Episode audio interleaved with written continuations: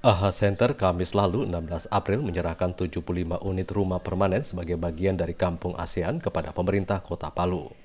AHA Center adalah singkatan dari The ASEAN Coordinating Center for Humanitarian Assistance on Disaster Management atau Pusat Koordinasi ASEAN untuk Bantuan Kemanusiaan pada Manajemen Bencana yang merupakan organisasi antar pemerintah guna memfasilitasi kerjasama dan koordinasi di antara negara-negara ASEAN dan organisasi internasional untuk memberi tanggapan darurat dan manajemen bencana di kawasan ASEAN.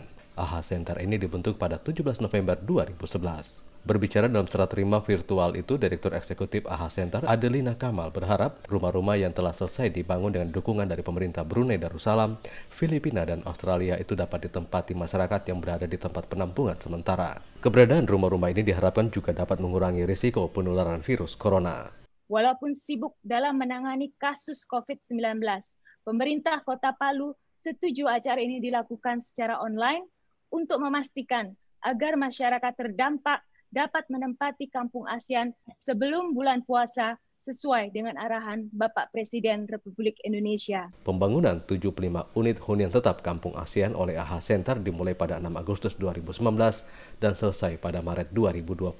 Adelina Kamal mengatakan setiap hunian tetap memiliki dua kamar tidur dan satu jamban. Kawasan pemukiman itu juga dilengkapi dengan fasilitas umum seperti jalan komunitas, drainase, akses air bersih, dan listrik. Wali Kota Palu Hidayat mengatakan 75 hunian tetap yang dibangun oleh AHA Center itu adalah bagian penting dari upaya berbagai pihak untuk penyediaan perumahan bagi warga masyarakat yang akan direlokasi dari kawasan zona merah rawan bencana tsunami, likuifaksi, dan jalur patahan sesar Palu Koro.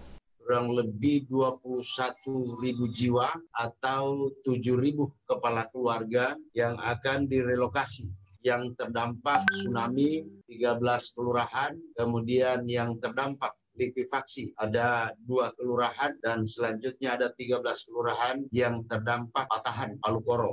Wali Kota Palu itu menambahkan hunian-hunian tetap itu diharapkan sudah dapat ditempati oleh para penyintas sebelum bulan suci Ramadan tahun ini. Ibu Hamsia, seorang penyintas yang tinggal di Huntara Bamboro, Kota Palu, kepada VOA mengatakan sangat berharap dapat pindah ke hunian tetap yang jauh lebih layak ketimbang tinggal di hunian sementara atau Huntara yang hanya menyediakan satu bilik ukuran 3 kali 5 meter persegi. Di Huntara yang ditempatinya sejak 2019 itu, ia tinggal bersama dua anggota keluarganya. Namun demikian, ada juga satu bilik ditempati hingga lima orang untuk satu keluarga ada sampai lebih 10 itu ke siang ini. Kalau saya tiga orang, yang lain lima orang, tujuh orang. Secara keseluruhan, terdapat 11.788 unit hunian tetap yang akan dibangun di sejumlah lokasi baik di kota Palu maupun Kabupaten Sigi. Hunian tetap itu diperuntukkan bagi para penyintas bencana yang direlokasi dari tempat tinggal mereka yang terkena likuifaksi dan tsunami. Dari Palu, Sulawesi Tengah, Yones Dita melaporkan untuk VOA, Washington.